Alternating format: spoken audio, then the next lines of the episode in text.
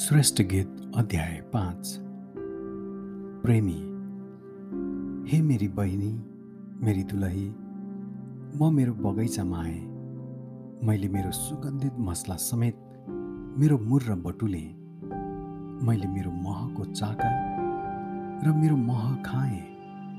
मैले मेरो दाग मध्य र मेरो दुध पिएँ। मित्रहरू आओ हे मित्रहरू हो र पियो। अघाउन्जेल पियो। प्रेमीहरू हो। प्रेमिका म त सुते तर हृदय चाहिँ जागै थियो। सुन त मेरा प्रेमीले ढोका ढकढक्याउने भएको छ।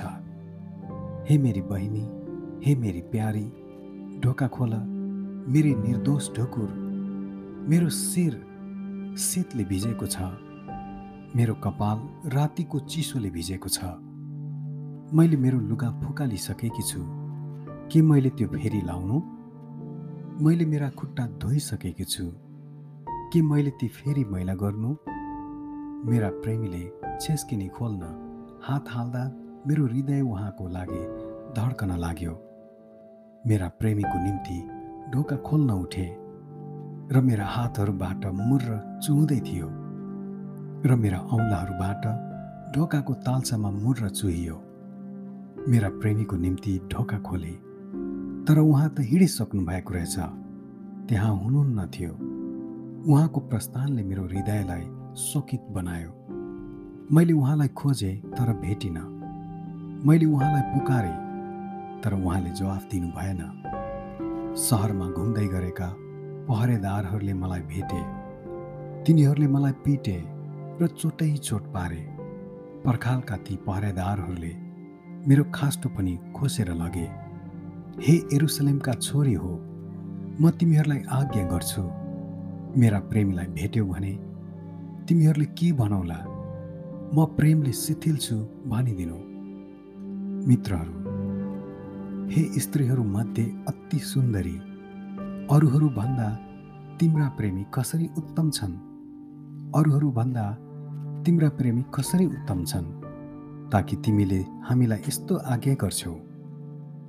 प्रेमिका दस हजार मध्ये पनि मेरा प्रेमी श्रेष्ठ उज्जवल र रातो पिरो हुनुहुन्छ। उहाँको शिर नुखुर सुनको छ। उहाँको केस घुम्रिएको र काग जस्तो कालो छ। उहाँका आँखाहरू पानीका खोलाको छेउमा बस्ने डुकुरहरू जस्ता दुधले पखालिएको बहुमूल्य पत्थर जस जडिएका जस्ता छन्। उहाँका गालाहरू बास्ना फिजाउने सुगन्धित मसलाका ड्याङ जस्तै छन्। उहाँको ओठ मुर्रको रस चुहाउने लिली फुलहरू जस्ता छन्। उहाँका हात पितमडी जडिएका सुनका लौरो जस्तै छन्। उहाँका पेट निरहरू जडिएर सजाइएको टल्काइएको हस्ती हाड जस्तो छ। उहाँका गोडा शुद्ध सुनका जगमा बसालिएका सिङ्गमर्मरका खाँबाहरू जस्तै छन्। उहाँको आकार लेबनान जस्तै त्यसका देवदाहरू जस्तै उत्तम छ। उहाँको मुख मिठासले नै भरिएको छ। उहाँ पूर्ण रूपले सुन्दर हुनुहुन्छ। उहाँ नै मेरा प्रेमी मेरा मित्र हुनुहुन्छ। हे एरुसलेमका छोरीहरू हो। आमेन।